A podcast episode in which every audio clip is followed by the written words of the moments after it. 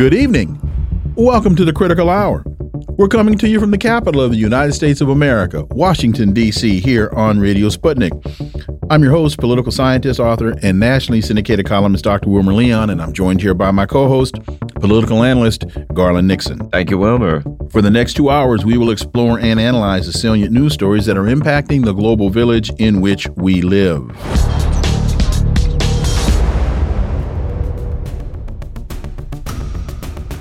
The Daily Mail reports Biden's White House will send letter to CNN, New York Times, and other top outlets demanding them to probe, quote, lies, end quote, behind GOP's plan to impeach president. The Biden administration has been blasted over plans to send out a letter to major news organizations demanding they probe the quote unquote lies of the White House's GOP's impeachment inquiry. Here they go again. For insight into this, let's turn to our first guest. He's a political cartoonist and syndicated columnist and the co host of our own The Final Countdown. Ted Rall. As always, Ted, welcome back. Thanks. Good to be here. So, Ian Sams, a special assistant to the president and senior advisor to the White House counsel's office, penned a letter to both conservative and liberal leaning outlets slated to be distributed today in an apparent attempt to influence their coverage. Among outlets targeted are CNN, the New York Times, the Associated Press, and Fox News. Ted, this really seems to be deja vu all over again because back in 2020, more than 50 former senior intelligence officials signed a letter outlining their belief that the recent disclosure of emails allegedly belonging to Biden's son, Hunter, quote, has all the classic earmarks of a Russian information campaign, end quote. And what we found out later about uh, later about that letter is that it was really contrived it, from the Biden administration.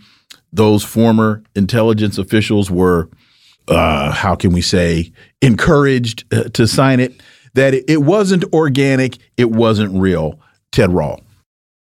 That's right. It is that. Um, and let's not forget also that even as we're talking, the Fifth Circuit Court of Appeals has just issued, uh, confirmed a lower court and federal court injunction prohibiting the, uh, the, the federal government from communicating with social media companies, asking them to uh, take accounts down or, uh, or, or affect what kind of news posts or opinion posts can be uh, put up on their sites, which often serve as the primary source of news for many Americans. Um, this is even worse in a way than the letter from the 51 Intel uh, former operatives, uh, because the key word is at least on its face. Uh, those le- the the letter by the 51 Intel people were all signed by people who were retired, even though it was coordinated internally it wasn't an official diktat by the by an existing federal government official or even a request from an official uh, a, a, U.S. official. It was, um, you know, this was these were these were people who were no longer in office who signed it. In this case, you have the the government itself, the current government member, people who are currently in office, reaching out to media organizations and pressuring them to spin the news in a certain way. It's really, I mean, you know, I, I got to admire their chutzpah. I, you know, the or hubris. I'm not sure which, uh, both. But it is astonishing that they're just uh, doubling, tripling down on this. I guess they never really paid a price for that letter from the 51 guys. So uh, there's they figure why not try again? But it is unbelievable. Also, the guy who um, uh, apparently uh, authored this document, um, there's a there's a passage in this story that says he describes the Republican Party as full of quote everyday liars and hucksters who, and this is the important part, peddle disinformation and lies everywhere from Facebook to Fox. To me, it implies when I hear that word disinformation and I see Facebook, it, it takes me back to what the judge has stopped them from doing. That they're looking at this saying, you know, maybe we need to call the social media. Maybe this needs to be taken off Facebook, Twitter, blah, blah, blah. Again, it takes me back to the Hunter Biden laptop, the, uh, uh, you know, the FBI's involvement. It, it seems, as you said, that they just don't get it. It's like the level of hubris they have, they feel that if the president does it, it ain't illegal, and apparently it ain't unconstitutional and in the violation of the First Amendment either, Ted. Well, and taking the legality of it out of the of the discussion, Garland, let's just talk about like you know the old-fashioned idea of something being consistent with American values and culture.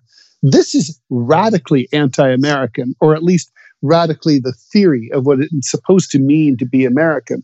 The government's not supposed to have any, uh, uh, you know, any what's the word I'm looking for influence over the um, over over the what goes into uh, the news media. The news media is supposed to be scrupulously independent, and already we have this problem of access journalism, where corporate media sucks up to the White House and other government entities in order to you know do their bidding.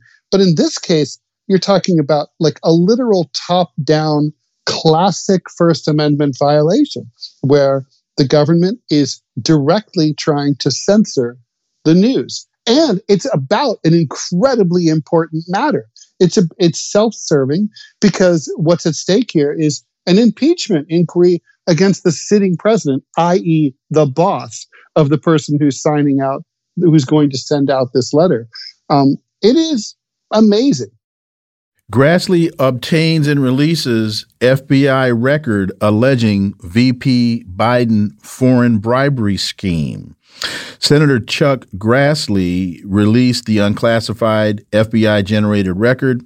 Your thoughts because this this is about I'd say as damning as a document as you're going to get your hands on Ted Rall. Yeah, well, and that document is confirming a lot of stuff that people who've been following this story closely, unfortunately, you have to go to right wing media to find it. Um, but I've been willing to do that, and most, you know, most Democrats, most liberals don't do that. Uh, you know, but this doesn't come as a surprise to us. But let's not forget, Grassley is not exactly a firebrand. Um, he's a very sober, uh, conservative to the point of boring, small c conservative as well as big C conservative guy who just isn't prone to wild and crazy maneuvers. So you have to take it seriously. Um, I do think it's it's damning. I, I, I have been discussing this in other fora, and I have to admit that I don't think the odds that Biden will be president by next year are very high at this point. I'd say they're they're less than fifty percent.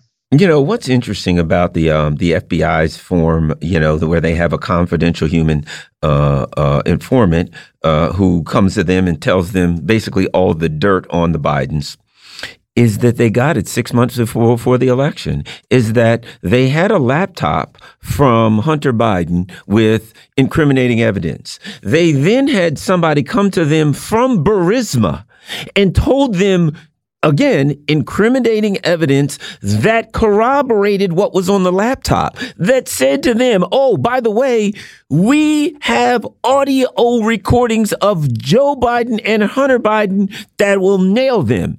And the FBI's reaction, you probably heard me say this before, uh, Ted, but I got to say it again. The FBI's reaction to damning evidence against the Bidens was to go to social media, go to Twitter, Facebook, and say, if anybody comes to you with damning evidence against the Bidens, it's uh, Russian uh, disinformation, and uh, we'd be happy to help you censor it. That, my friend, is election inter- interference on a level that makes this stuff going with Trump looks like, I mean, what it is actually is just a political uh, attacks. Your thoughts, Ted? Yeah, no, that's that's exactly what it is, Carl. I mean, the problem is I don't really have much to add to what you said because it's so accurate. I mean, I'll, i can just say yes, ditto. Uh, it, it's it is election interference, and uh, you know we've seen a lot of that in recent years, in recent cycles. Um, and it's just, I guess it's like all the gloves are off and you can do anything you want. And there's no reserve whatsoever on on norms. Norms are out the window. Uh, anything goes, and uh, we're off to the races. Al Jazeera reports top Republican directs U.S. House committee to open Biden impeachment inquiry. Kevin McCarthy says abuse of power, obstruction, and corruption allegations against Biden family warrant more scrutiny. Your thoughts, Ted Rall? Well, clearly, um, yeah. I mean, look. Here's the thing: even if we there, even if we only knew the following, Hunter Biden had a million dollar no show job at Burisma, a Ukrainian energy company in a sector that he had absolutely no knowledge about whatsoever. That proves Hunter Biden is corrupt. That's corruption right there. Uh, then, if we only knew that Joe Biden claimed, first claimed to have had nothing to do with it, not known anything about it, uh, was virtually estranged from his son almost when it came to his business. But then, then it turns out he sat in on a bunch of phone calls, two dozen or more, maybe. Um, it, then you know, okay, well, he's lying about that. He lied about that. So it smells really, really bad. And there'd be something worth looking into. But now the U.S. is arming to the tune of billions of dollars Ukraine, the country where Burisma is. Now, even if you didn't know anything else, and there's a lot more to know, um, you'd be that would be worthy of an inquiry. That would be worthy of saying, what did the vice president do? What did he know? What did he sell? Uh, what did he receive? Uh, and you know, what did he do as president? How did he change policy? I want to know about the Victor Shokin stuff. I want to know. There's a lot of stuff I want to know, and I think the American people deserve to know. Uh, to paraphrase an earlier president, whether their president is a crook. And right now, it looks like more likely than not that he is. Uh, here's something else interesting. Trump is sitting at 57%, leading DeSantis by 43 points. He's got a 40% po- uh, uh, uh lead.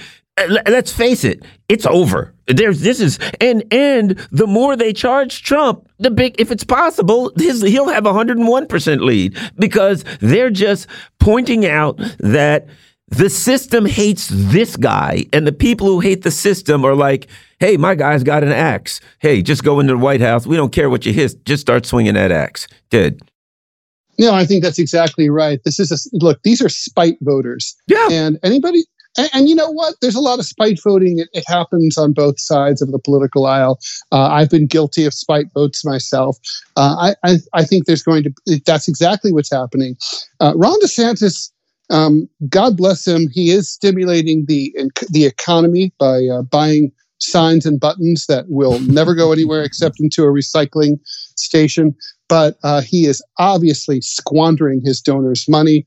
If he wants to do that, that's fine with me. But uh, it is it's silly at this point. I mean, hell, I think it's more likely Nikki Haley will be or Chris Christie will be president than Ron DeSantis.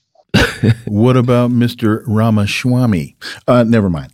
Uh, but so, where does this take us on the Democrats' side as you look at uh, the numbers and where where Joe Biden is? It's amazing that uh, he's basically in a dead heat, dead heat with Trump, but he's upside down in his approval rating. He's up. He's way upside down in his is the country going in the right direction rating. So, where does this take us as it relates to the Democrats? Uh, well, uh, right now it would it would look like uh, Trump would win. And don't forget, as these elections get closer, Republicans always do better. Democrats always do worse. Democrats have to start with a big uh, lead in order to win, even by a squeaker in the end. Ted Rall, as always, thank you so much for your time. Greatly, greatly appreciate that analysis, and we look forward to having you back. Looking forward to be back.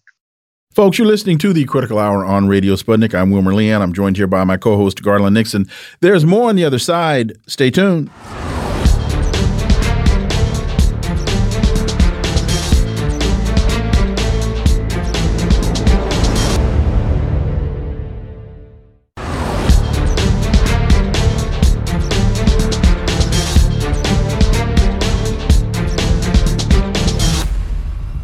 We are back, and you're listening to the Critical Hour on Radio Sputnik. I'm Wilmer Leon, joined here by my co host, Garland Nixon. Thank you, Wilmer.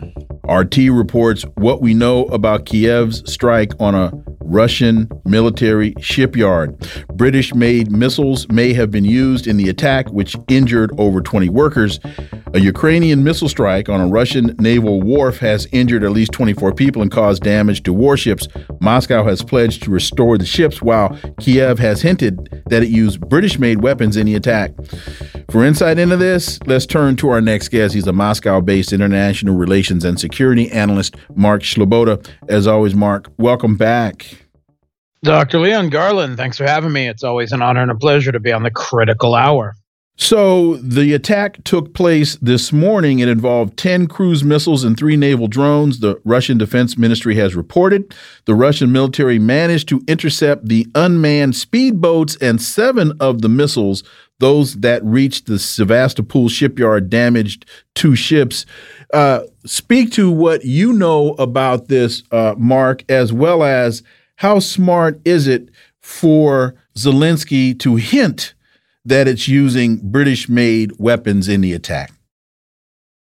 Okay, so um, uh, first of all, you you may have remembered earlier this summer uh, about uh, previous uh, Storm Shadow and and Scalp. Scalp yep. is the mm-hmm. French variant of the same missile attacks, and then you didn't hear anything about it for about six weeks. There was a, a, about a six week period when there were no attacks with Storm Shadows.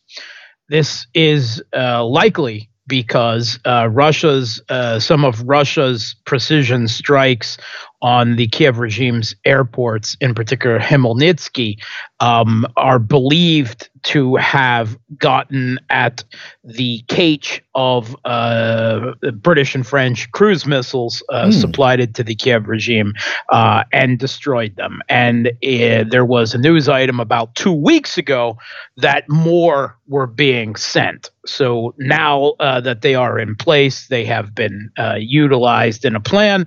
I think the timing was probably meant to embarrass uh, Putin uh, during the visit of Kim Jong Un.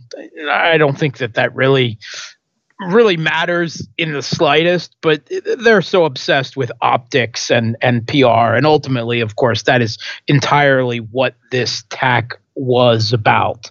So uh, they had to be launched because these are air launched cruise missiles. They had to be launched from uh, Su 24M bombers.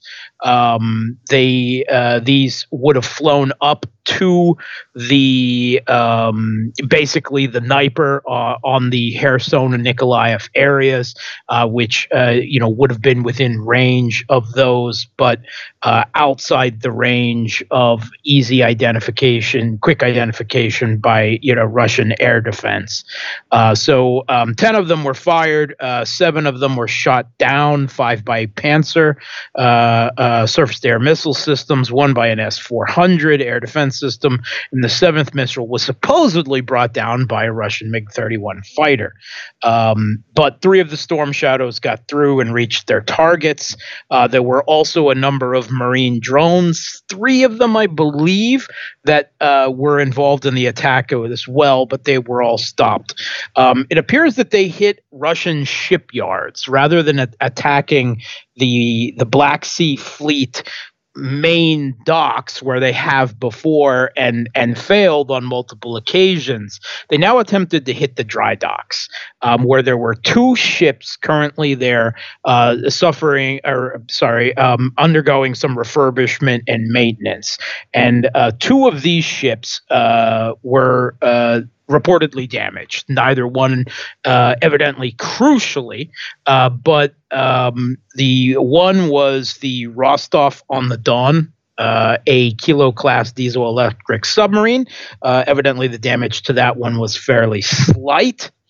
Um, and then the other one was a landing ship the Minsk, I believe. Um, and uh, that one, the damage is somewhat more significant, and it was already undergoing a major refurbishment, uh, but um, it will uh, require probably several more months now uh, than it would have uh, before.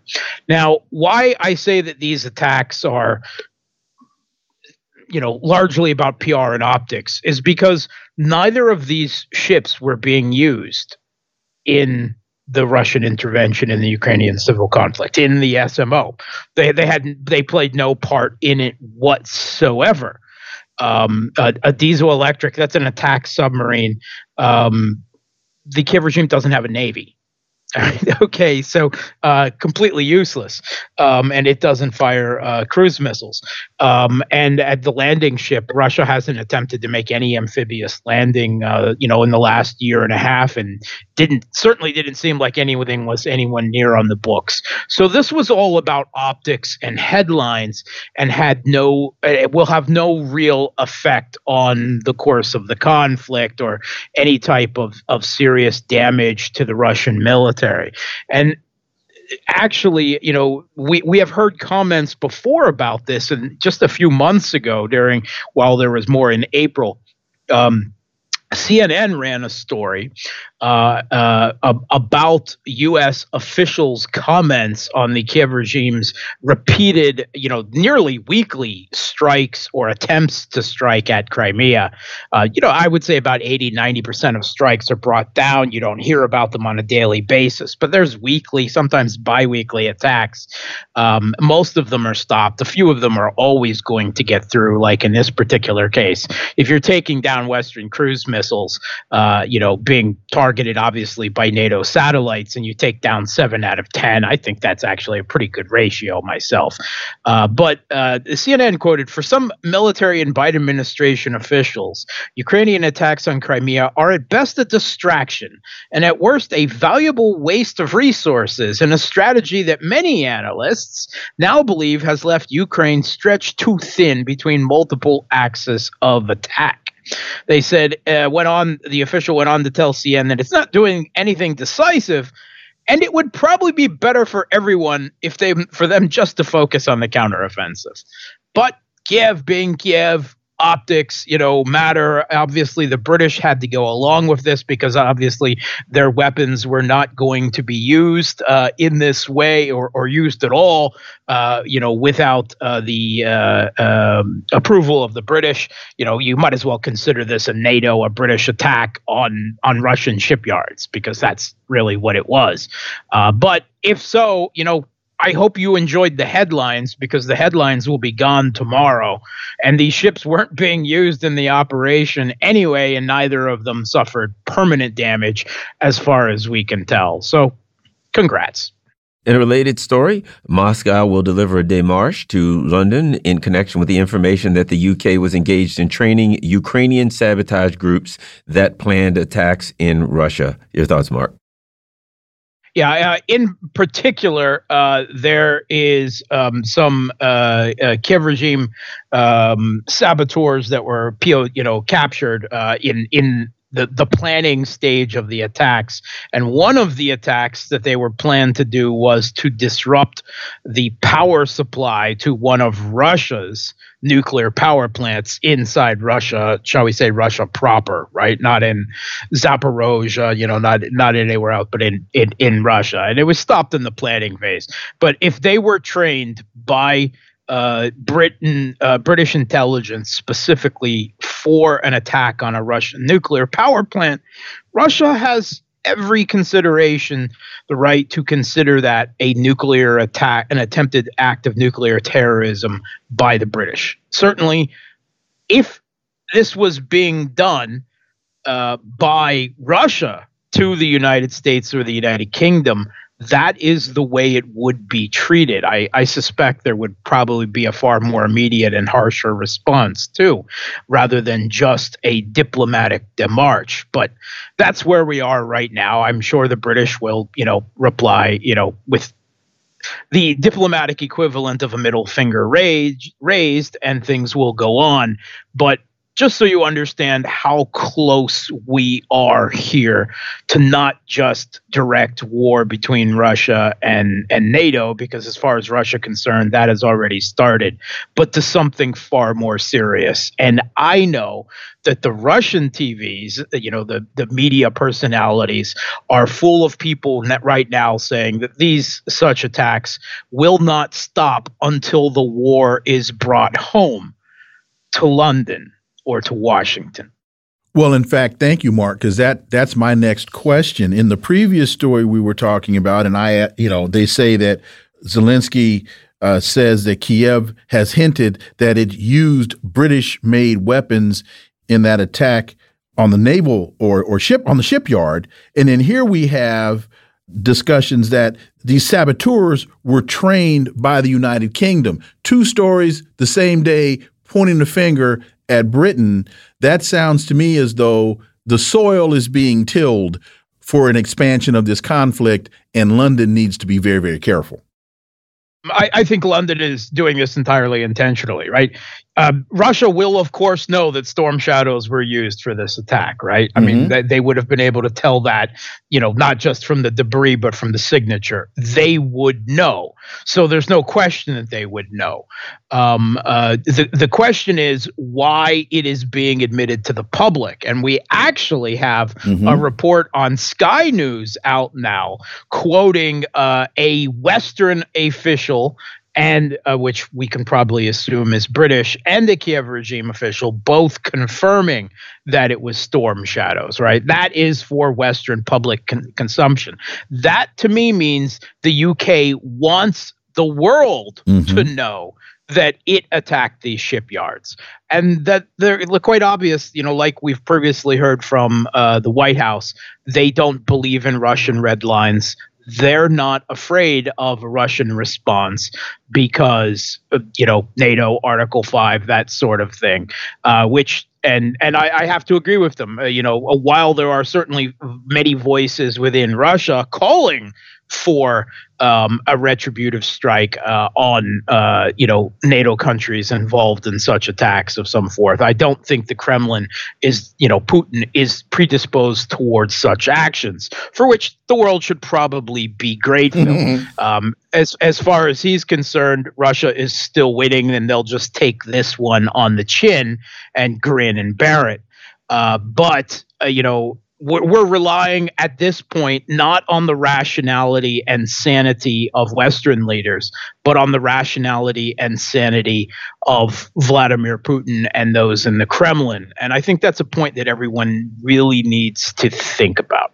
Well, Mark, here's the way I look at it. I think the Kremlin, uh, I, uh, and I've said this for a while, I think the leaders of Russia and China recognize that they're dealing with a frothing at the mouth mad dog and that time is on their side, that there's a multipolar world now, and it is their responsibility to usher in the multipolar world without and and and to somehow make that happen without the mad dogs without, without pushing, a nuclear war. Exactly, pushing the button and blowing us all up. And I think they're up to the task. But at some time, Garland, you got to slap that that frothing dog on his nose and let him know you better stop barking or more is to come. And it's that slap on the. Both right. Go go ahead, Mark. I think you're both right. Yeah, well, the thing about it is, too, if you're winning, because what Crimea does a lot of what I would call pinprick things, but they're losing, God knows, 50,000 people in a month. They're losing so bad. If they can get Russia to say, be distracted and to focus on doing something else other than blowing the crap out of them with artillery, they'd be happy to distract them in a way, too. But that, but, and we have one minute left, Mark, uh, to, to, and to Garland's point, into my slapping the dog on his nose when when the Kremlin decides they're going to slap London on their nose, that's the thing I think we have to be concerned about. You got 30 seconds, Mark Sleboda. Yeah, I mean, and we, st we still have the destruction of the Nord Stream pipeline, exactly. which is a major. I mean, that is an act of war if it was done against any other country, right? Um, so, yeah, I I think you know Russia Putin is very cold blooded and very patient, and he understands that revenge is a dish best served cold, cold. Mm-hmm. and not necessarily for public consumption. I certainly believe there will be asymmetric responses around the world that we will see, that the West will understand what it was, but it won't necessarily be available mm, for okay. public view and easy analysis. Mark Sleboda, as always, thank you so much for your time. Greatly, greatly appreciate that analysis, and we look forward to having you back. Thanks for having me. Folks, you're listening to the Critical Hour on Radio Sputnik. I'm Wilmer Leon, joined here by my co host, Garland Nixon. There's more on the other side. Stay tuned.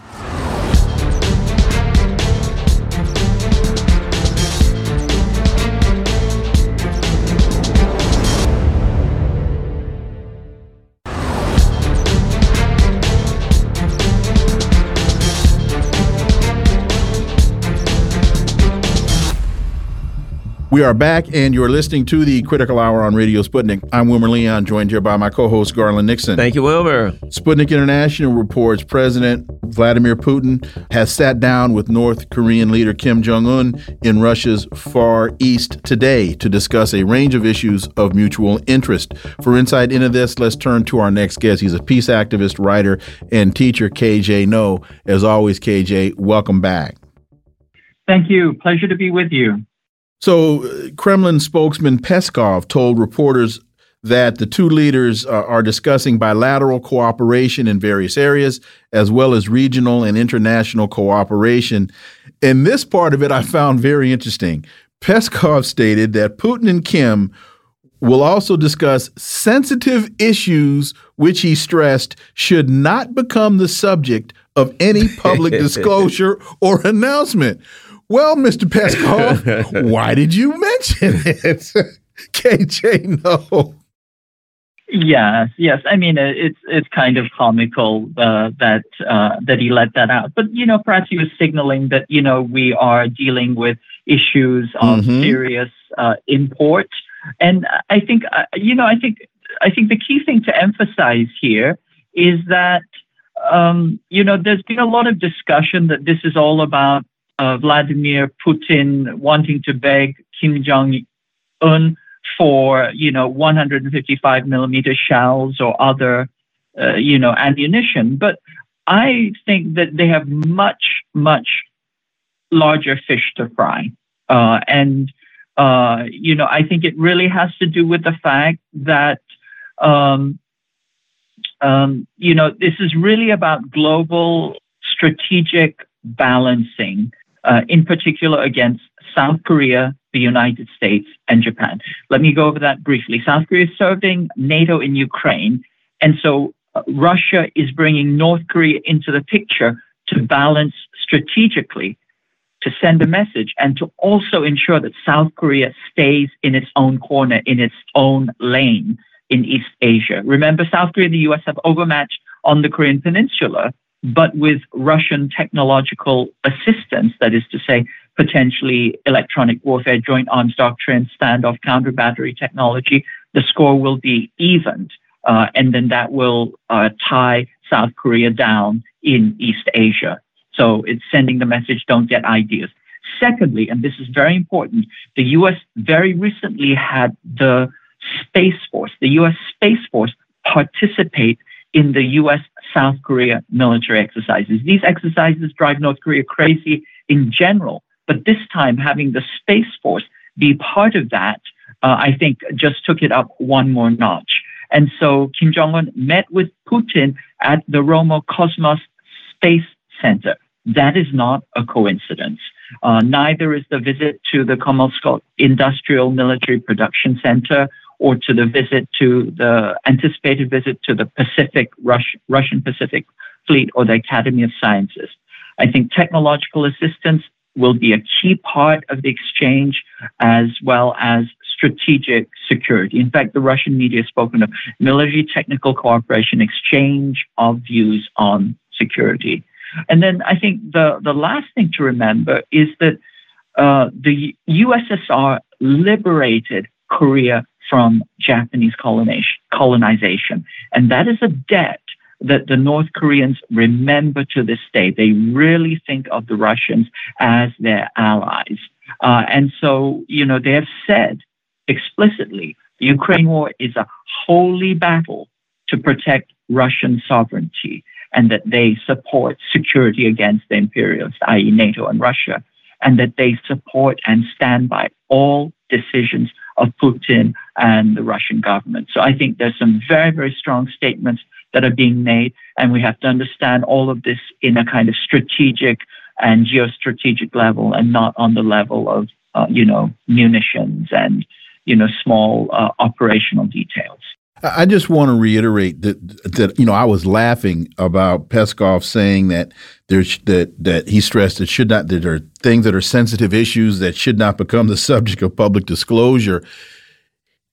Unlike Karine Jean Pierre, Peskov is a professional, a real seasoned professional, and so folks should not take lightly. This was no mistake, right? He he was sending a real clear message here, folks. We're talking some serious, serious business, and that that was no that was no Freudian slip or mistake. Uh, that man is a professional, and folks need to pay attention to that. Absolutely, as I said, they they are talking serious geostrategic issues, and it is all about uh, strategic balancing. Yes, and for people that don't realize uh, the, the size of Russia, here's something uh, that of, of consequence. Russia shares a border with both China and North Korea. So if you look at it, the U.S. right now is doing exercises on Russia's border, antagonizing them. Doing uh, uh, doing exercises on North Korea's border, antagonizing them. Running ships all up and down the Taiwan Strait, antagonizing China. So really, this is a natural alliance that that must happen. That the U.S. must build. If you have one common adversary who is antagonizing three countries who have borders, it seems that that is a natural alliance. And arming Japan and building another base in the Philippines, and I believe. Arming Taiwan, Ar arming Ukraine. Exactly. Yes, it is a complete and total alliance that the U.S. has actually forced these countries into. Once again, uh, Russia, um, North Korea, uh, China, and possibly eventually, I also anticipate Iran will join this. Uh, again, uh, they have uh, they're they're in close proximity to each other and they're all being harassed and you know being uh, you know threatened by the United States. Certainly, the arming of Japan is a very very significant uh, move. Remember, uh, Japan murdered 35 million people on the Asian continent. It is considered to be the most dangerous force historically uh, in the 20th century, the greatest threat uh, to life and you know, uh, you know, to life and peace uh, during the 20th century. And the fact that the U.S. is rearming Japan, I think, is something that for most people in Asia is just uh, head spinning. Uh, and uh, it took the, you know, the Soviet army, uh, you know, it, it, it had to wipe out the Japanese Kwantung Army, which was essentially a rolling atrocity machine uh, in Northeast Asia in order for Japan to, you know, I- eventually surrender. But I think that these are extraordinary moments uh, and they echo uh, very, very dangerous times that have uh, happened in the past. Two stories that I think are, are interesting. One is China bans iPhone while touting Huawei's Mate 60 Pro. Punitive move comes after iPhone production moved out of China and coincident with Huawei's launch of the 5G phone equipped with the 7 nanometer chip, it's interesting to me because just cursory research says that Apple has sold a total of 380 million iPhones in China. And the other element of this, KJ, which I'd love for you to speak to, is what this Mate 60 Pro means because there was an, another article today saying that this thing now has satellite phone capabilities and all of the chips uh, that it, it's comprised of are made in China. Yes. Well, the Mate 60 Pro is just kind of an extraordinary uh, piece of technology. And I think it outclasses anything done by Samsung or Apple uh, by miles. I mean, simply look at you know the telephoto lens; it's just mind-boggling. But uh, it has satellite uh, capabilities built in. It has 5.5G capacity. Its speed is comparable to anything out there on the market. And let's emphasize once again, everything was made indigenously. Uh, the U.S. was supposed to have a four-point chokehold, a stranglehold designed to kill off China's indigenous production in high tech, in particular chips. And Huawei simply ran circles around that. They created their own enterprise software, they built their own chips, they built their own uh, operating system. Uh, everything seems to be indigenous. Some people are saying, well, you know, the memory chips are from SK Hynix. But, you know, if they are, you know, they'll simply replace those out. Memory chips are not a big deal. And so I think it speaks to an extraordinary breakthrough on the part of uh, China and Huawei. And it simply shows that, you know, you know, whatever the U.S. is up to, it will simply strengthen China. Uh, regarding this iPhone ban, I think that's just a kind of a pretext. I think for a long time, the government uh, has been not supportive of employees using iPhones uh, in, you know, uh, government employees using the uh, iPhones. So I think that simply as we see uh, Apple lose market share to Huawei, remember Huawei was almost completely destroyed a few years ago.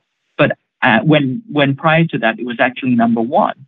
As it starts to recover market share, they will use quote unquote, you know, government intervention, government ban, blah blah blah, as an excuse for their diminishing, uh, you know, market share. But I believe that you know simply because it is a better phone uh, from the standpoint of most Chinese consumers, I think that Apple's, uh, you know, Apple's uh, market share will diminish, uh, and I already see a lot of people shorting a- Apple uh, right now. There, there are billions of dollars uh, to be lost.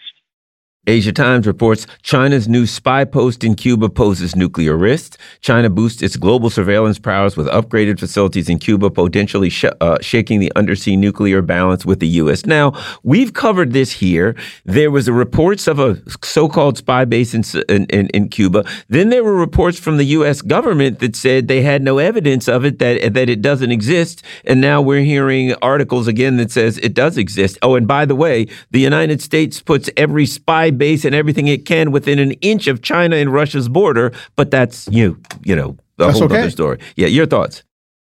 Yeah, well, I mean, this is, I think, in my opinion, this is from the Wall Street Journal, which has been shown demonstrably to be unreliable on anything regarding China, including its predictions about the economy, which should be its core competence. But when it gets into intelligence uh, and it talks about spy bases, uh, first question is where is the evidence? My fear is that this is more of what is referred to as Schrodinger's China, and in particular Schrodinger's base. That is to say, is there a base or is there not a base? Does it exist? Does it not exist? Does it exist only in some, you know, probabilistic state that has not yet been actualized? I cannot say this. All I can say is that I know it's from the Wall Street Journal, and that requires me to take this with a large dose of salt if not an actual salt lake. There aren't any sources cited in this Asia Times story other than the Wall Street Journal. And it says the journal notes U.S. officials announced in June that China had struck an agreement worth several billion dollars with Cuba to build a new military facility capable of electronic eavesdropping. Uh, again, so there there aren't any real solid sources cited here other than the Wall Street Journal. So this is almost a matter of you're citing yourself as your as your as your primary source, KJ. Yes, yes. There's a, definitely a kind of a, a, self-serving, self-licking ice cream going on here, ice cream cone going on here. Mm -hmm. And so, you know, once again, you know, if you have evidence, uh, show the evidence. Uh, and as far as I'm concerned, you know, the U.S. Uh, has surveillance uh, all over the planet. You know, is it such uh, extraordinary that as the U.S. escalates to war against China, is it uh, inconceivable that China would seek to improve its surveillance capacities? Um, you know, that's within the realm of possibility. But once again, I say, you know, where is the proof? Where is the beef? Show us the evidence. Show your work. And finally, Air Force Secretary says U.S. military needs to change to win future war with China. Why are we even having conversations about a future war with China, KJ? We got about 45 seconds. Yes, exactly. I mean, why are we looking for war with China? You know, uh, we have 330 bases surrounding China. We have a doctrine of war against China. China has no bases anywhere near the U.S., anywhere threatening the U.S. Uh, and so, you know, if you don't want war, uh, don't, uh, or if you're concerned that, uh, you know, that there might be a war and that there's a threat there, don't pick a fight. There's no reason for this. And it just boggles the imagination that this is the presumption that, uh, you know, that uh, somehow that, you know, that China is a threat and that we have to fight with it.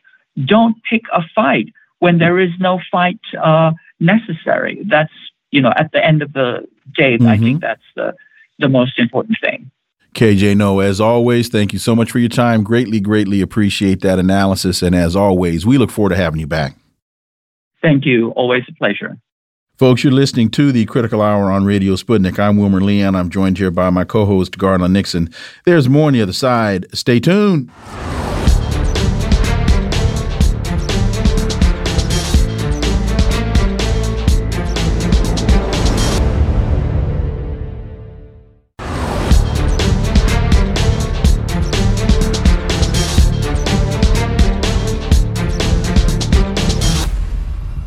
We are back, and you're listening to the Critical Hour on Radio Sputnik. I'm Wilmer Leon, joined here by my co host, Garland Nixon. Thank you, Wilmer. Caitlin Johnstone has a piece entitled, If Everyone Understood That the U.S. Deliberately Provoked This War.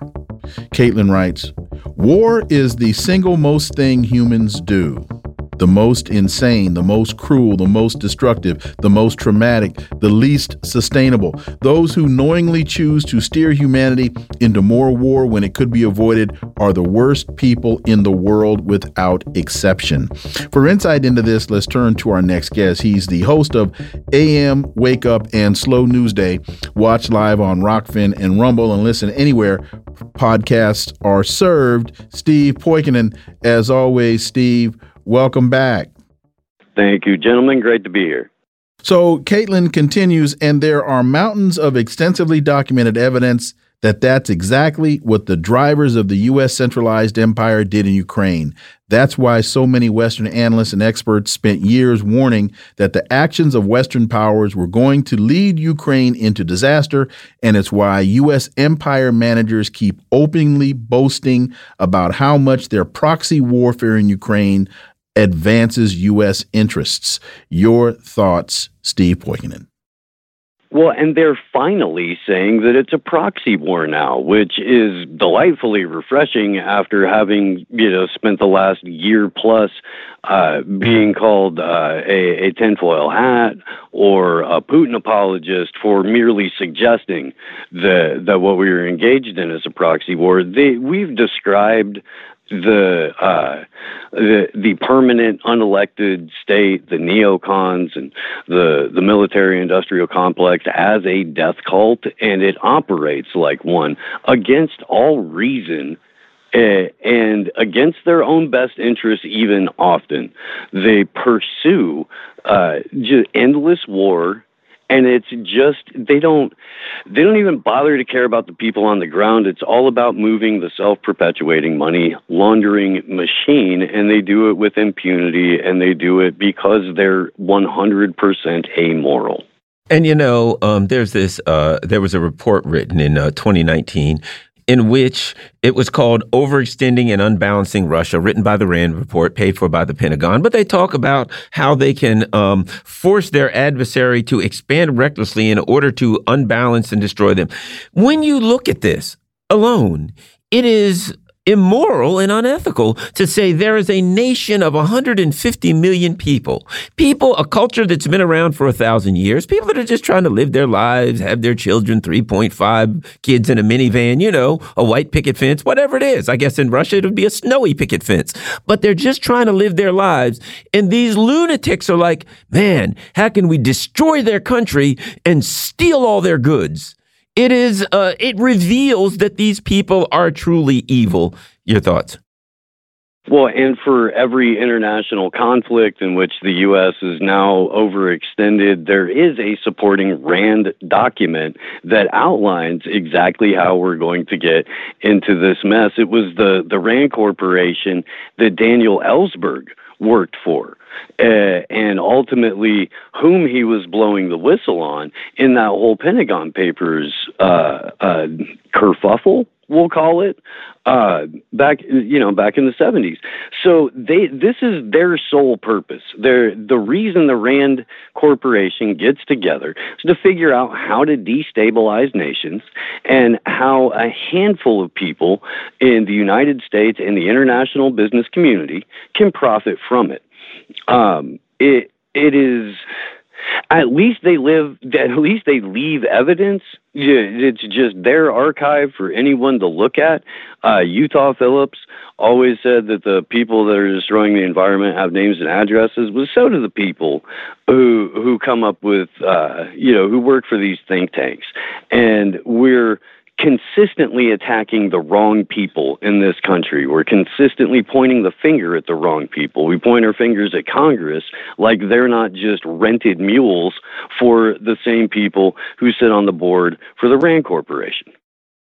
And in reading some of this, according to their analysts, Russia remains a powerful adversary for the U.S. in certain fundamental sectors. To handle this, the U.S. and their allies have to pursue a joint long term strategy which exploits vulnerabilities. There's no discussion about cooperation, there's no discussion about anything other than militarism and doing everything in your power to have Russia be subservient to U.S. interests. And they say RAND analysts estimate that Russia's greatest vulnerability is that of its economy. That takes me to Joe Biden saying he's going to turn the ruble into rubble. Well, folks, President Putin happens to have a PhD in economics. So in his dissertation was written something along the lines of how to develop your your your economy uh, based upon domestic assets. This guy isn't sleeping at the switch. So this is really just arrogance and it is ignorance. And unfortunately, that seems to be what a lot of American foreign policy is based upon, Steve Poikonen. Well, it is, and, and, then we can't forget hubris, uh, and then it's delivered as much of uh, American media is, and all of American politics, or politics in general, delivered via gaslight. Um, uh, the, that's the spot that we're currently in, where you've got a, a PhD uh, economist and Vladimir Putin going up against a uh, probably bought his way to a C law student in Joe Biden who, let's be honest, can't even keep awake through uh, a, a high powered reading uh, of Vol Vladdy's dissertation. Um, of course they're going to go after the oil of gas. And when they say that in the RAND document, the first thing I think of is the Nord Stream pipeline mm-hmm. and the fact that it's no longer operational, or the Crimean Bridge, or a number of these other infrastructure targets that, uh, quote unquote, not totally the U.S. has been a part of since day one. The other thing I think is of consequence, and it just never ceases to amaze me when I talk to people, friends, sometimes even relatives, is that people keep believing the propaganda. They lie about, you know, you remember the babies in incubators in 91. We find out that that is absolute lie perpetrated by the government, which was criminal, I might add. Then 2003 Iraq again, lie, lie after lie after lie. And every time a new conflict comes up and they tell another lie, even though the old one has been exposed as a lie, people simply repeat, well, you know, we got to go to Ukraine because whatever they heard on MSNBC, CNN, CNN and Fox, they have to repeat that. They it just amazes me that American people get, and I don't know if the word is right even anymore, but get duped over and over again. It's almost like a voluntary ignorance, as they say in court. Let me read. Let me read two sentences from this RAND report. Yeah. In the geopolitical sector, Arming Ukraine would enable the U.S. to exploit the central point of Russia's exterior vulnerability, but this would have to be carefully calculated uh, in order to hold Russia under pressure without slipping into a major conflict. Well, how's that working out for you right now? The other point is in the military sector, the U.S. could enjoy high benefits with low costs and risks by increasing the number of land based troops from the NATO countries working in an anti Russian function. I ask again How's that working for you? My point in reading this, to your point, Garland, is this is propaganda camouflaged as research. Steve Poikonen. They may as well have said, and when we get to Ukraine, we'll be gre- or sorry, when we get to the Donbass, we'll be greeted as liberators, and they will be giving us hearts and flowers. That's the the kind of I don't know pep talk that I guess you need when you're about to engage in what could potentially become World War III Uh, the the Rand Corporation is nothing if not fantastic salesmen. They've been able to exist for the last 60, 70 years based solely on their ability to convince uh, at least a handful of Congress critters that uh, that all of our money should go to the military budget. Um, they're they're completely wrong in their analysis, but they're historically completely wrong in their analysis, and that historically has purely benefited uh, defense contractors and a number of other international business concerns.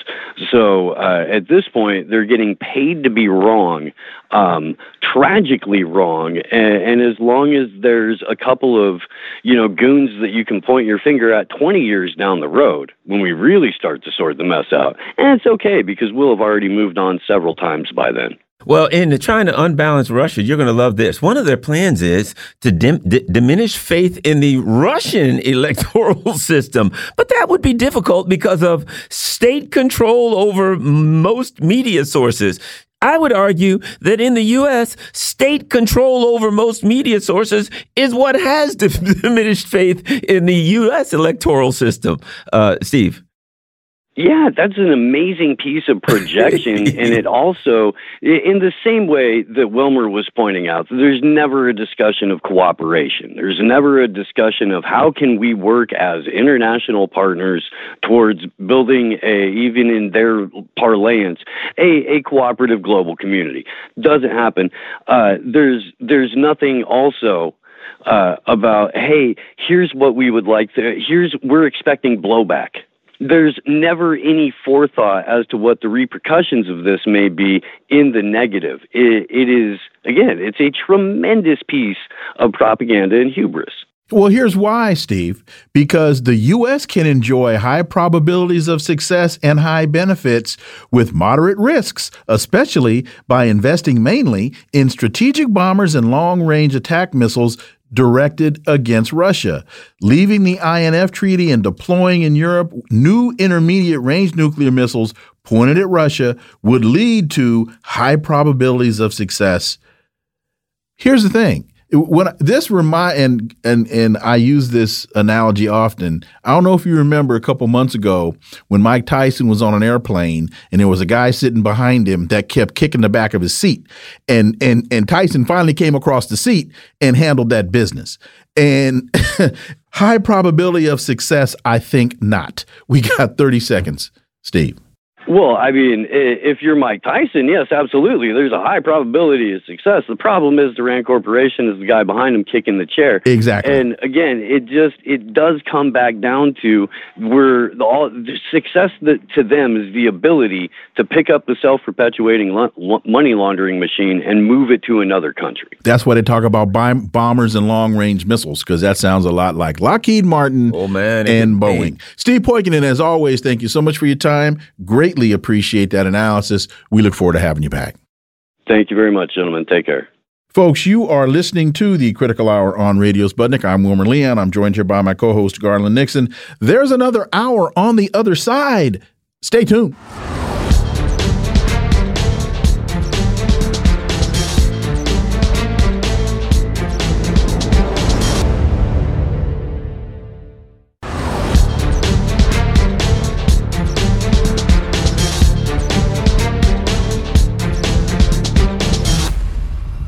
We are back, and you're listening to the Critical Hour on Radio Sputnik. I'm Wilmer Leon, joined here by my co host, Garland Nixon. Thank you, Wilmer. Axios reports Biden Netanyahu meeting sparked internal White House debate.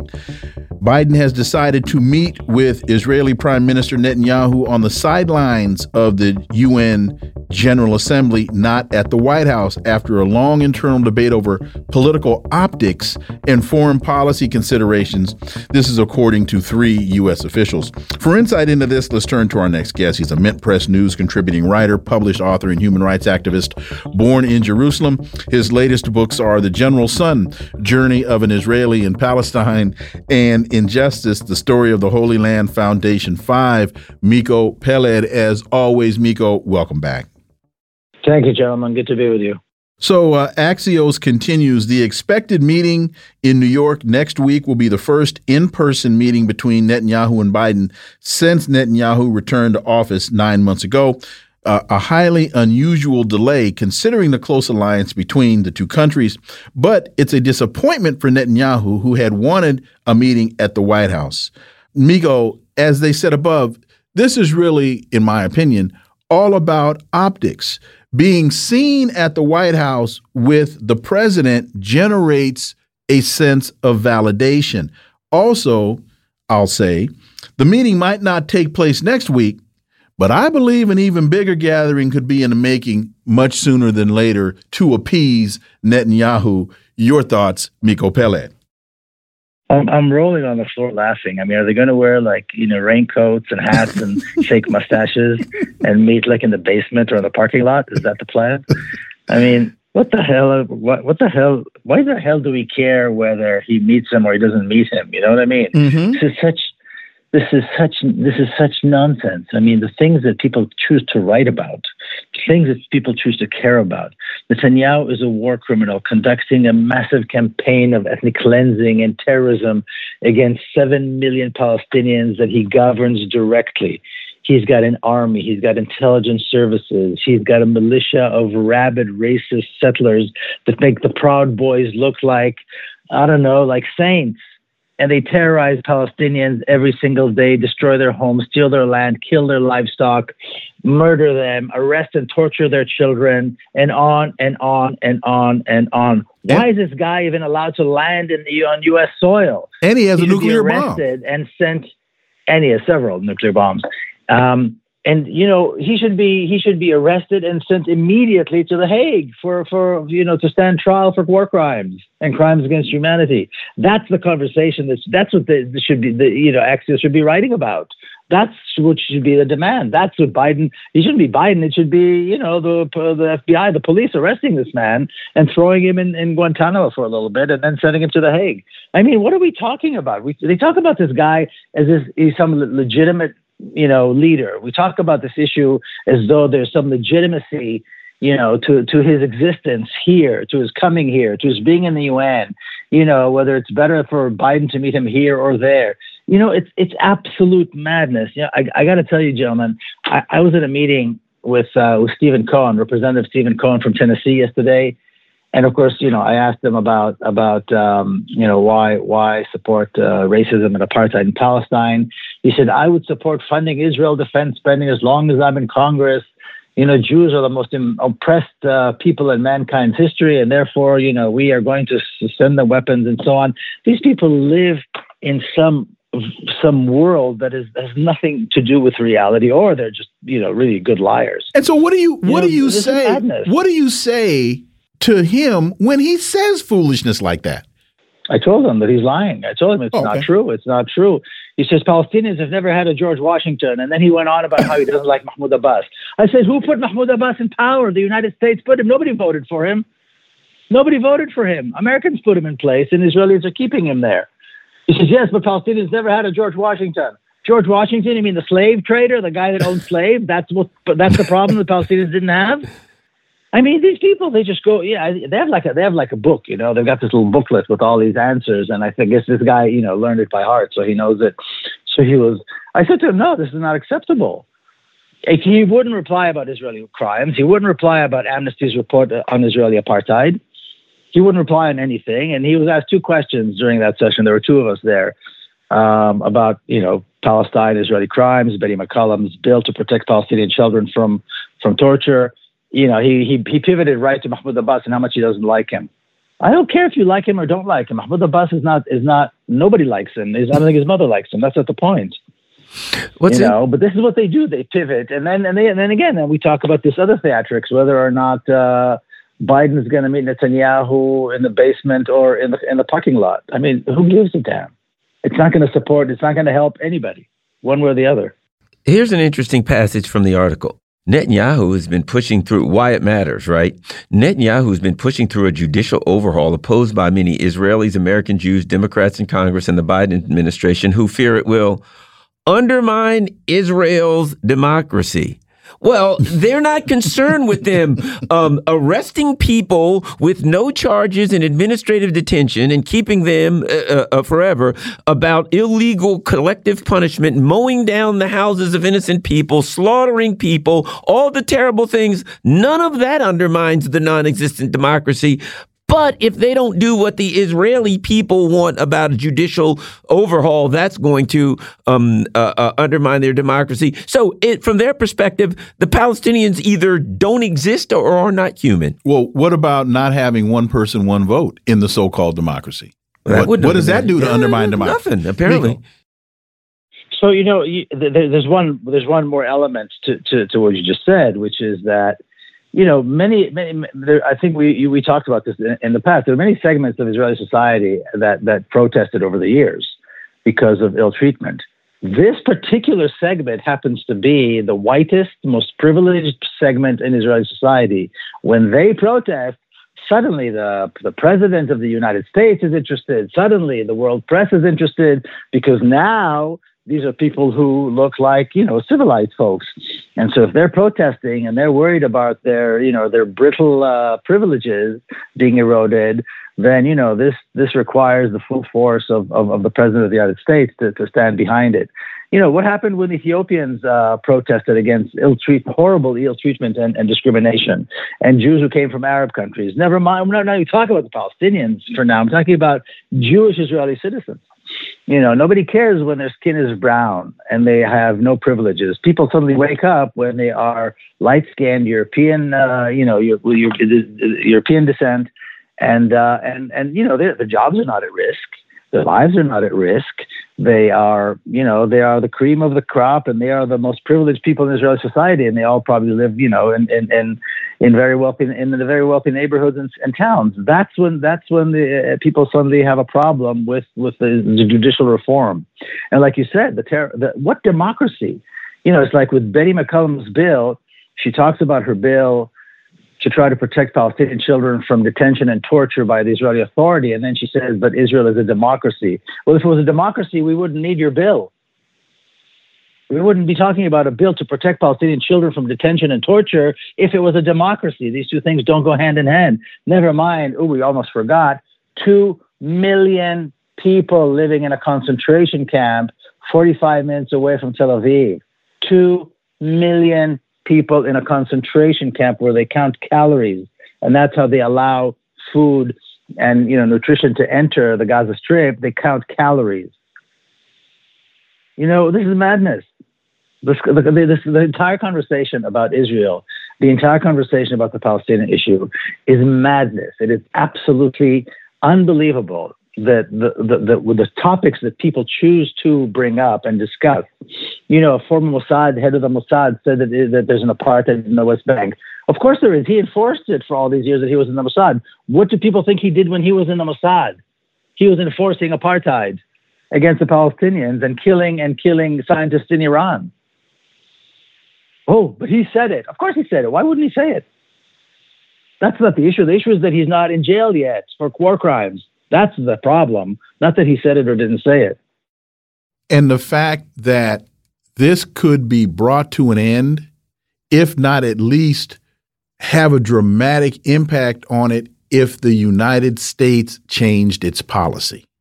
If Americans stood up to their government and demanded a change in policy, that would result in a change in action.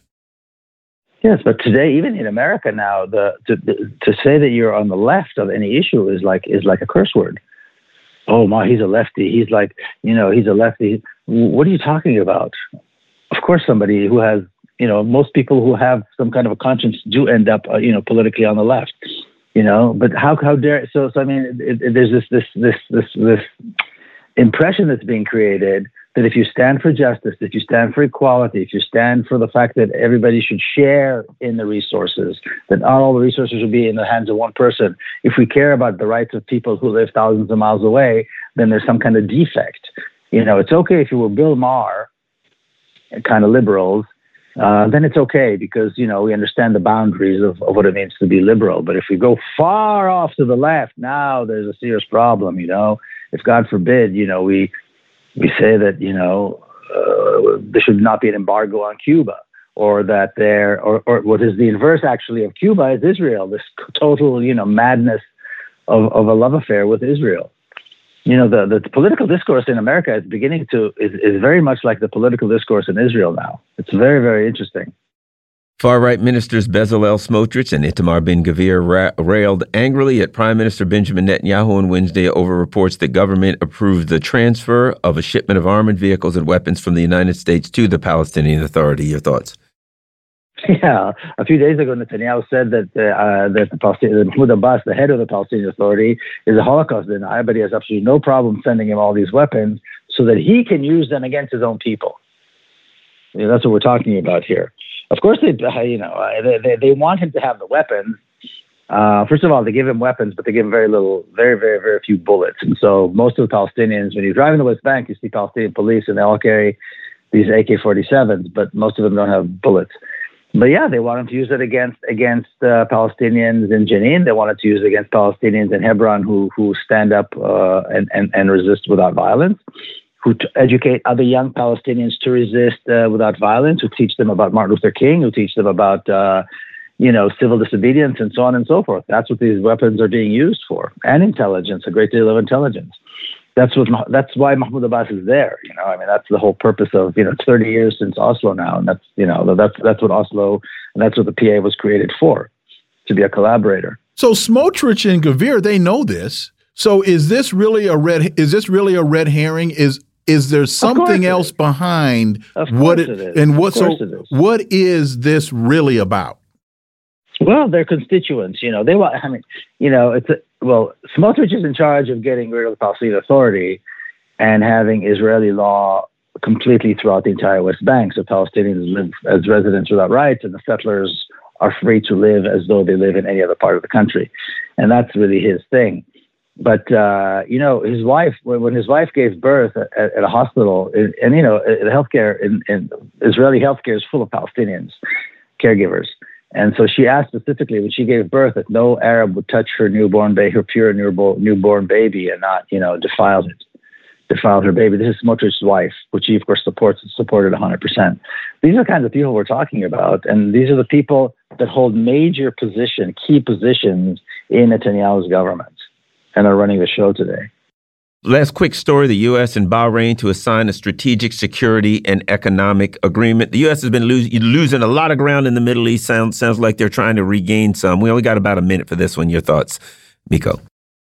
Well, yeah, they, you know, these these these kingdoms, these fiefdoms, these princedoms want to face fancy weapons, and America wants to have uh, bases, and so this is the, the, that, the these are the deals that are being done. It doesn't look like a Saudi deal is going anywhere.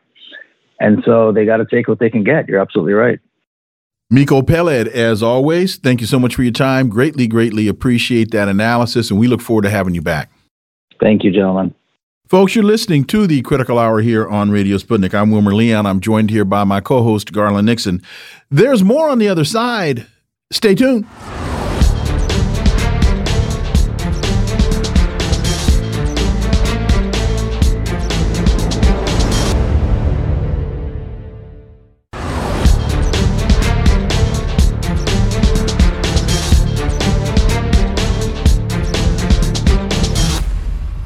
We are back, and you're listening to the Critical Hour on Radio Sputnik. I'm Wilmer Leon, joined here by my co host, Garland Nixon. Thank you, Wilmer. Huawei's sneak attack tears a hole in U.S. sanctions on China. The telecom giant's new Mate 60 phone is a sign Washington's chip tech restrictions are not working. This is practical proof that necessity is the mother of invention. For insight into this, let's turn to our next guest. He's a writer, journalist, and host of the YouTube program, The New Atlas, Brian Berletic. As always, Brian, welcome back. Thank you for having me back. So it's reported recently Huawei's Mate 60 smartphone rolled out to great acclaim with no advertising campaign or advance notice. On the 30th of August, Reuters reported that the company's stock rallied due to the surprise hit of the phone with what is being described as unusually high specs, including satellite call capabilities and super high speeds.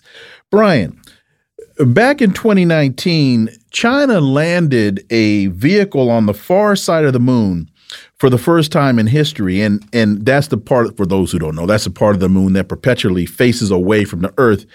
And the probe was able to send back to Earth the first close up images of the moon's far side using a relay satellite that China calls Queqiao or Magpie Bridge. We said then back in 2019 that China that this that this was going to be a, a, a, a earth-shattering development in terms of communication, and now they are putting satellite call capabilities into cellular telephones.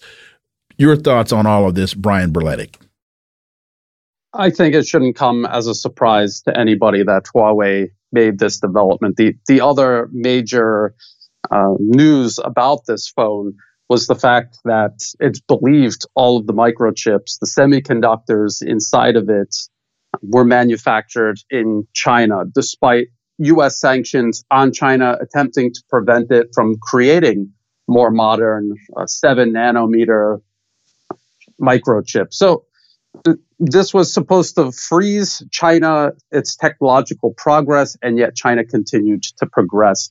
And it was predictable because if you look at China's industrial base, it dwarfs the United States, not just in size, but also in capabilities. And uh, a point that I've always tried to remind people of is the fact that China graduates millions more in STEM fields, science, technology, engineering, and mathematics, millions more every single year than the United States.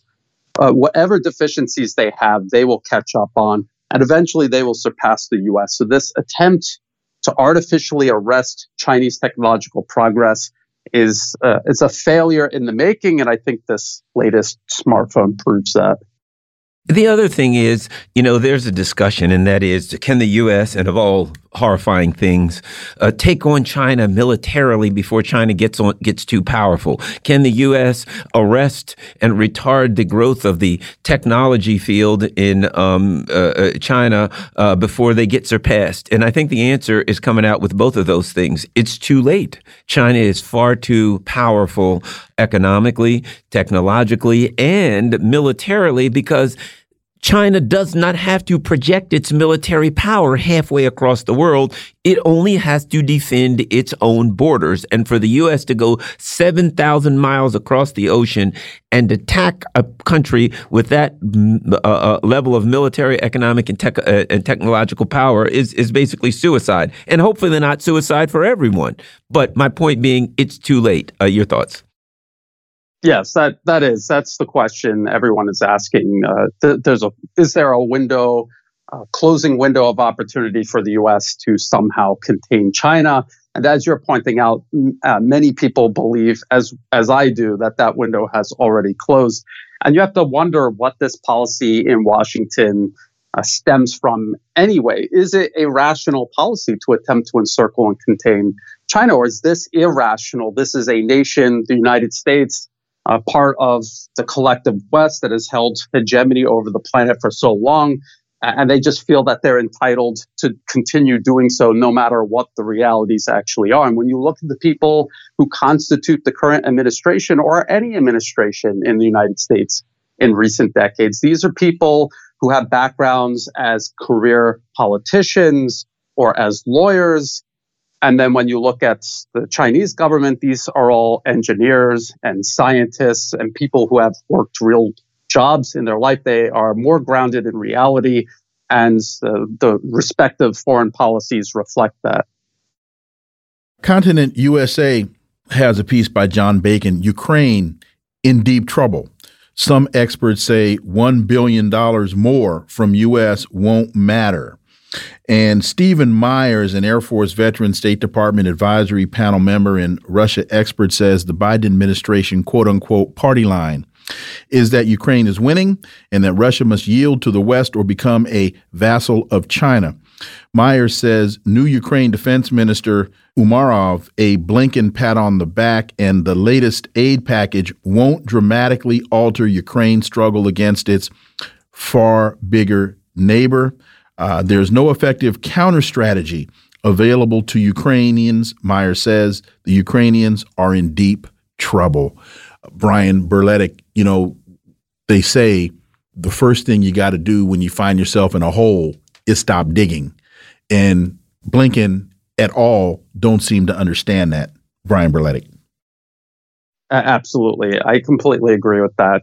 Uh, a billion dollars isn't going to make a difference. A hundred billion uh, additional dollars is not going to make any difference because all the money in the world cannot buy weapons and ammunition that does not exist, that the West's industrial base is incapable of producing in the amount of time Ukraine would need it in. And the same goes for training uh, Ukraine's depleted manpower. These are the fundamentals of waging war that the West has ignored from the very beginning of this conflict up to and including now. And some people are starting to come to grips with that, but others are trying to paper over it with exactly this trips to Kiev, uh, additional aid packages. None of this is going to make a difference. And in many ways, they're not even going to be able to kick the can down the road any further by doing this. Just really quickly, uh, Brian, you're right. A billion dollars won't make a bit of difference in Ukraine, but a billion dollars would make a hell of a lot of difference in the American housing crisis, in the American homelessness crisis, in the American uh, food availability crisis. A billion dollars back into the U.S. budget focused on social programs helping the least of us in this country would make a huge difference. Garland. Here's the other thing too when you talk about hey another billion dollars but it won't make a difference. It's actual and accurate it's actually an accurate metaphor for the overall conflict, you know, between the financialized US empire. Everything's about money. We make money by coming up with, you know, magical tools on Wall Street for financialization versus say the Russia, China, the more industrialized nations. Industry makes artillery. So the US says we'll send you money and and Russia says we'll fire artillery. I'm going to bet on artillery over money every time. So it's a metaphor for the actual overall kind of conflict between the financialized US empire and the industrialized world. Your thoughts? Absolutely. It's a it's a wake-up call to people who who actually really did believe that U.S. financial power trumped all else. It it obviously and clearly doesn't. We always hear about uh, how large the U.S. defense budget is compared to Russia, and how could Russia compare to the United States? Look at the U.S. GDP or the GDP of the collective G7. How can Russia compete against the combined power of all these nations working together to support Ukraine? Well, we we can see how by emphasizing industry over financial uh, tricks, just as you were talking about. According to RT, Russia warns of new crisis in Korea. The foreign ministry cited a recent increase in military activity by the U.S. and its allies, South Korea and Japan, in the region. The Korean peninsula could soon descend into a new crisis, Russia's foreign minister has warned. Uh, Brian, as if the world isn't in enough harm and isn't isn't uh, looking towards an incredibly incredibly militaristic dismal future. And now they just want to seem to add insult to injury. And so at what point do those in the pentagon tell the president you can't fight the entire world at one time brian berletic Yes, it's true, but they're going to try anyway. And the important thing to understand about this news story about uh, the potential for increased tensions, possible conflict on the Korean Peninsula is you have to look at a map at where South Korea and Japan are. Look at the map where the Philippines are, where the U.S. is gaining a military foothold, and understand that while the U.S. is fighting a proxy war against Russia and Ukraine, they are also preparing uh, for a military conflict against China, and they're doing it by attempting to encircle and contain it with its military presence in the Asian Pacific region. And the, uh, the Korean Peninsula is just one of several areas. And they talk about South Korea and Japan as if they had any say in the matter, when in fact, both of these countries are occupied by tens of thousands of US troops. Their political systems are captured by Washington. Their foreign policy is determined by Washington for Washington's interests at the expense of both South Korea and Japan's own interests. NATO steadfast defenders drills near Russia's signal blocks a shift to war footing. But even when you look at the number of troops, 41,000 troops, in comparison to what they would need to attack uh, uh, uh, Russia on its border, that's still not nearly the combat capacity that they would need for that war. But it could, you know, of course, lead directly into into some kind of a nuclear conflict. But your thoughts on NATO's uh, drills near the Russian border? It's posturing. This is NATO attempting to look strong when, as we we previously discussed, it is fundamentally weak, and there is nothing that NATO collectively can do in the short or even intermediate term to fix these fundamental flaws that they have. Their military industrial output simply is not on any level to fight a nation like Russia or China, let alone both of these countries combined. And yet, that does appear to be what NATO, uh, the United States, is trying to do, leading NATO along with it. And, and it just doesn't it just doesn't come across as a credible threat. Now we we see these drills, and you have to ask yourself why why are they doing this? It's because they don't have a reverse gear. They cannot accept that this proxy war in Ukraine is failing. They cannot accept that China is surpassing them despite the, the all of these efforts, uh, including the sanctions they thought would cripple or arrest Chinese technological progress. Uh, and so they're resorting to posturing, but I, I just wonder who this is fooling, except perhaps themselves. And we have just about a minute left. Is it also is also a part of this calculus the fact that the United States just doesn't believe that Xi is serious, that Putin is serious, that Kim Jong Un is serious, that when these folks say you better stop or you're gonna get pounded, the United States, in its arrogance, just doesn't believe that these world leaders will do what they say they'll do. I, I think that is part of it. Uh, I, I think they thought they could provoke, encircle, and put pressure on Russia, and Russia simply wouldn't do anything mm. back. In, uh, you know, until the special military operation unfolded. And I think they believe the same in regards to China. They can continue encroaching on China, even within Chinese territory militarily, and they believe that China will not do anything back. And, and they'll continue doing that until Ch- China proves otherwise. Unfortunately, it'll lead to a, a very similar conflict to what we're seeing in Ukraine. If somebody in Washington or in London or in Brussels uh, doesn't wake up and get in touch with reality. Brian Berletic, as always, thank you so much for your time. Greatly, greatly appreciate that analysis, and we look forward to having you back.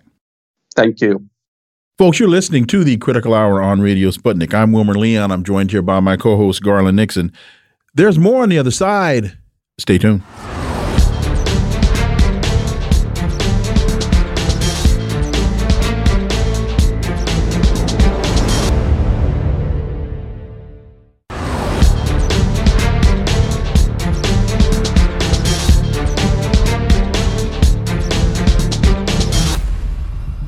We are back, and you're listening to the Critical Hour on Radio Sputnik. I'm Wilmer Leon, joined here by my co host, Garland Nixon. Thank you, Wilmer.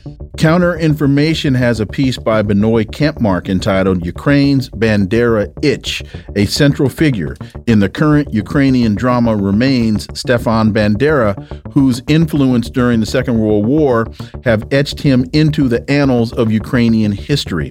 Why is this history so important? Well, for insight, let's turn to our next guest. He's an independent investigative journalist and author of three books The Frozen Republic, The Velvet Coup, and America's Undeclared War. Daniel Lazare, As always, Dan, welcome back. Thanks for having me. You know, one of the things that's interesting to me about all of this discussion is Dan, we can go we can go back to 2018 and Congress was banning arms to Ukraine militia linked to neo-Nazis. Quote, White supremacy and neo Nazism are unacceptable and have no place in our world, Representative Ro Khanna was saying. I am very pleased that the recently passed omnibus prevents the U.S. from providing arms and training assistance to the neo Nazi Azov battalion fighting in Ukraine. That was in 2018, Dan. What did they all just pack up their lunch pails and, and go home?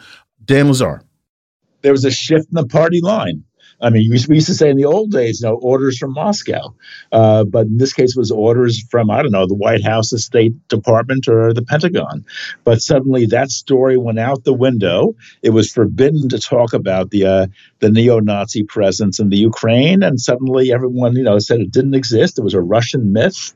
Uh, you shouldn't even mention it, and uh, that's the way things stand today. But there actually is a really big, really important uh, neo-Nazi element in um, in Ukrainian politics.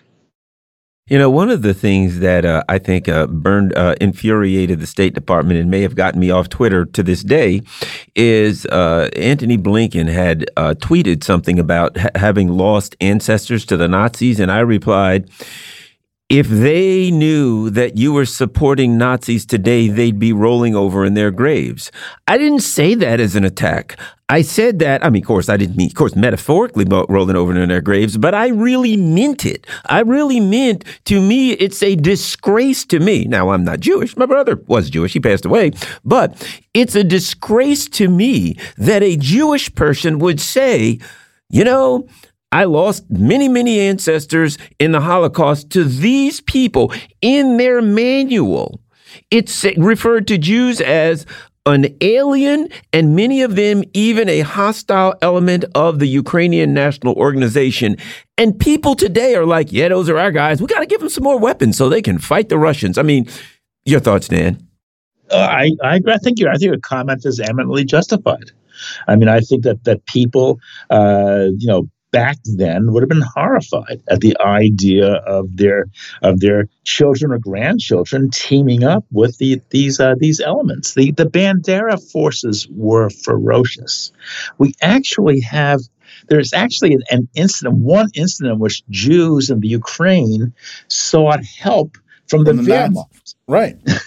against the because because Bandera was was so so and eh, it's hard to put this in a context when you start saying that the Banderites or Bandera that they were worse than the Nazis. There is the context. Okay. Al Qaeda Al Qaeda basically kicked ISIS out, saying, "Hey, man, we want to kill the uh, infidels, but you guys are taking this thing a little far." there you go. Uh, they're the Al Qaeda and ISIS. So, Dan, it, it, it's it's hard to imagine uh, that that Ukrainians would turn to Germany to protect them against the evils of Bandera. That that's hard to imagine. There's, there's actually a very very good movie. It's available for free on uh, on on on, uh, on YouTube. It was made in uh, in Poland uh, uh, a couple of years ago. It's called Volyn V O L Y N, subtitled Hatred. It's about the uh, the anti-Polish massacres that the the, the band, Bandera forces perpetrated in 1943 and 44 in um, in Western Ukraine, which had a very large Polish minority. They may have killed up to 100,000 people. And in this movie, the heroine uh, actually also seeks refuge among the uh, among the German troops because she's being hunted by the the uh, the Bandera forces. Uh, so you know this is a well known trope, uh, but these but these people were really were really vicious, really genocidal.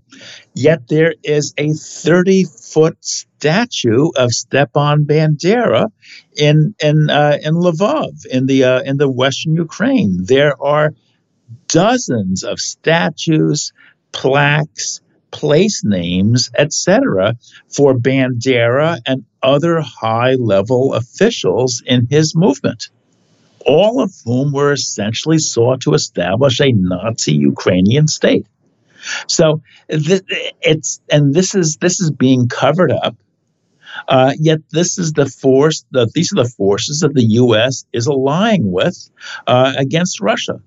And by the way, not not that I'm trying to get Russia off the hook, because you know, because it has some really bad elements as well. But the idea that this connection is being covered up, this this this ideological aspect of uh, of of Ukrainian politics is an absolute outrage. This may be a bit sophomoric, or it may be I may be connecting dots that are not related. But there, we we were talking earlier about a story that Netanyahu and, and Biden are arguing over whether or not Biden's going to have Netanyahu at the White House. Biden saying, I'm going to meet you on the sidelines at the UN. And you don't hear Netanyahu screaming at Biden about why are you funding Nazis in Ukraine? I, I don't hear that from Smotrich. I don't hear that from all of these Israeli officials. This seems to be acceptable to them. Dan. So is that a sophomoric question? I don't think so. Okay, well then, then it's not. right. The, uh, no, the, uh, the uh, Zionism has a long history of actual uh, collaboration uh, with with anti-Semites. It's uh, it's it seems hard to understand, but it actually historically is true, because um, um, Herzl, the found the modern founder of of Zionism, said uh, regarded anti-Semitism as a as a permanent aspect of uh, of Christian society. It was pointless to try to combat it, and in fact, he called upon Jews to use it. In other words, he he called upon the anti-Semites to expel Jews from uh, from Western society so that they would migrate to the Holy Land. So he actually proposed a, a an alliance with uh, with anti-Semitism, and and this attitude uh, continues to this day, especially among the you know and, and, and right wing Zionist circles, which Netanyahu represents. Uh, Netanyahu is very close to um, to Viktor Orban uh, the Hungarian leader, who in 2014 ran a classic anti-Semitic campaign for a for a political campaign on the basis of vilifying uh, George Soros, vilifying him on plainly anti-Semitic grounds, uh, and not only is uh, is Netanyahu close to him, Netanyahu kind of lent his political advisors, a couple of New York uh, New York uh, campaign experts, to Orban, who essentially crafted the anti-Soros campaign for him. Now, so there's a there's a very close alliance, but what's so dangerous is that these this neo-Nazism has is could very well is certainly you know um, contagious. It, it's spreading from the Ukraine itself into all of Western society. Talk, talk, about the talk about the folks in Florida.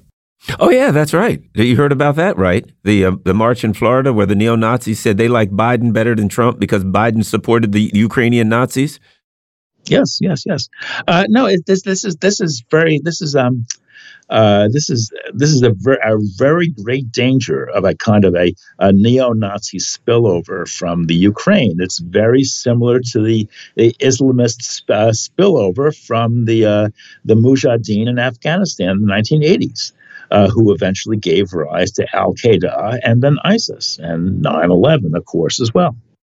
Um, what seems to be possibly a threat from uh, President Zelensky, he said, quote, curtailing aid to Ukraine will only prolong the war, Mr. Zelensky argues, and it would create risks for the West in its own backyard. There's no way of predicting how the millions of Ukrainian refugees in European countries would react to their country being abandoned. Ukrainians have generally behaved well and are very grateful to those who shelter them. They will not forget that generosity. But and as John Conyers always said, the word but means forget everything I said before this word.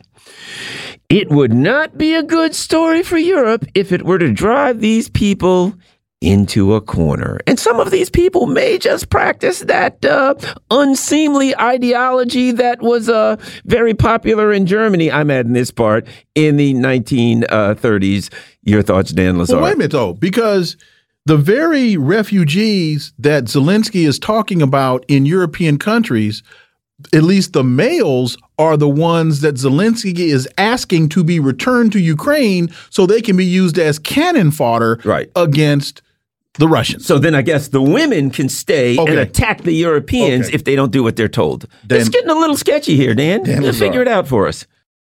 Yes, I, mean, I, I, think. I think. By the way, I mean, I, I, wouldn't say Zelensky is making a threat. Really, I think he's just sort of describing a a, a very uh, likely prospect. Uh, if the Ukraine loses the war, it won't be pretty.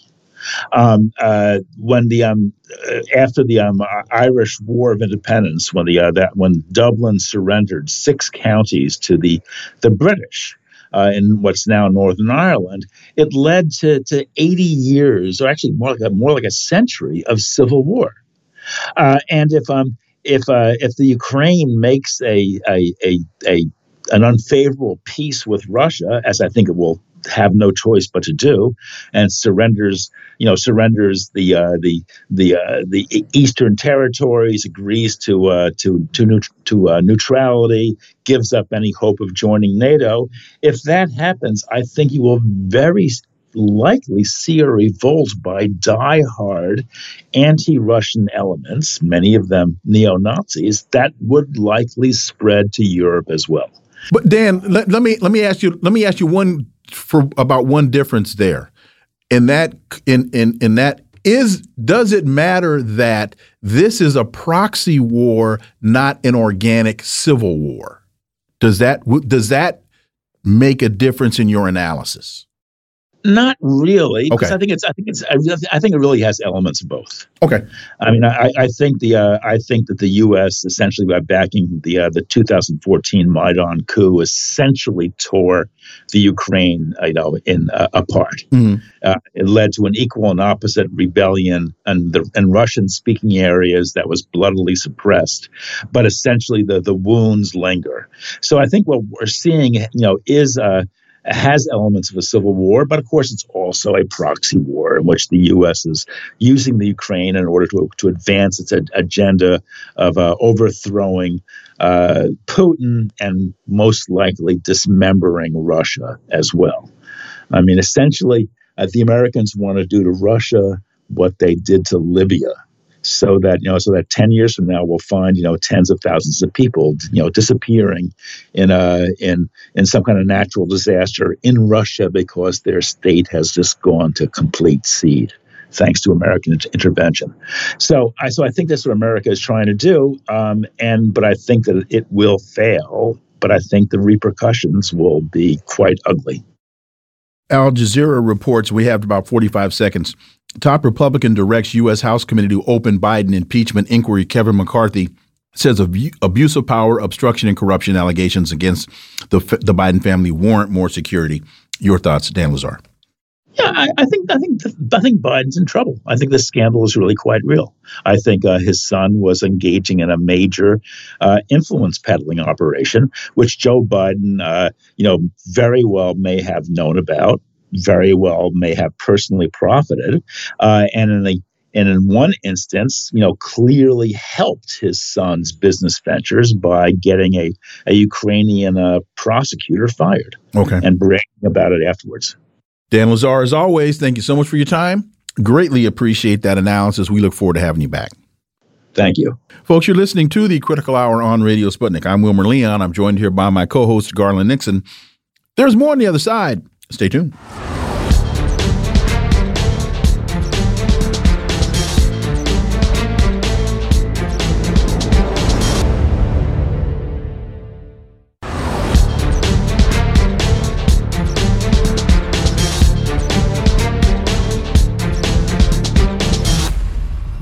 We are back, and you're listening to the Critical Hour on Radio Sputnik. I'm Wilmer Leon, joined here by my co host, Garland Nixon. Thank you, Wilmer. Haiti Liberté reports CARICOM's umpteenth mission. On the evening of September 4th, a new delegation from the CARICOM arrived in Port au Prince to serve as mediators in the multi-dimensional Haitian crisis. It is made up of former prime ministers such as Kenny Anthony of St. Lucia, uh, Bruce Golding of Jamaica, and Perry Christie of the Bahamas, and Trinidadian Ambassador Colin Granderson. For insight into this, let's turn to our next guest. He's a journalist and editor at Haiti Liberté, Kim Ives. As always, Kim, welcome back. Thanks, Wilmer. Thank you, Garland. So this is the second visit in two months by the CARICOM delegation, which, as of mid-July, failed to reach any agreement between Haitian politicians and civil society leaders. Kim, what is it that this group, I really see them as a front group, What is it that they're trying to accomplish with this? Because unless this is all just window dressing, it doesn't it doesn't appear as though they are focused on the right issues, nor does it appear as though they're really talking to the right people, and they seem to be working on behalf of their American benefactors, Kim Ives. Well, yeah, you hit it right on. It's a front group for the U.S. and Canada, but primarily the U.S., Canada, and France, who are trying to somehow get the two factions of Haiti's ruling group uh, to join together so they can have a, a, demonstration election, as Edward Herman would call it, and bring in some government which will then be able to invite the U.S. to come in with the Global uh, Fragility Act that we've talked about on this show and essentially set up a military base in Haiti. Uh, so th- this is the sticking point. They can't get these feuding politicians uh, and oligarchs to sit down together. You have one faction, which is the faction which holds power now, of Ariel Henry, uh, who uh, uh, was uh, appointed by Jovenel two days before he was assassinated on July 7, 2021, and then uh, took over afterwards. Of course, Jovenel's mandate has long since expired, at the very least on uh, uh, February 7, 2022. So he is what you call a de facto prime minister, and he has no legitimacy. He's very unpopular. He's basically a dead hand on the tiller. And then you have another group, which sometimes we call the bourgeoisie éclairée, the enlightened bourgeoisie, which has a little more. Um, uh, they have this slogan, as we've talked about, also called Haitian-led, uh, Haitian-led solution, and so they say, say we're Haitians deciding, but it's totally baloney. It's just semantics. They are also uh, uh, lobbying the State Department in Washington to anoint them as the uh, people who will run the ship for Washington. And um, so those two groups are feuding. And, and I should say, in both groups, you have a lot of people who are involved in the coup d'etat against Jean Bertrand Aristide and who have a very anti democratic um, uh, uh, b- b- b- history. Uh, Dan Cohen and myself were just back from Haiti, where we spent a week at the end of August. And, you know, we talked about this with the leader of uh, coalition, a federation of neighborhood committees, armed neighborhood committees, Jimmy Cherizier, barbecue. He is, of course, the devil of the hour for uh, the U.S. and the empires. And you know, said, Have you been invited to the table to discuss in any of this? And he said, That's just it. These people are doing their own thing. We, the people in the masses, in the ghettos, we are completely excluded. We're, we're never given a seat at the table.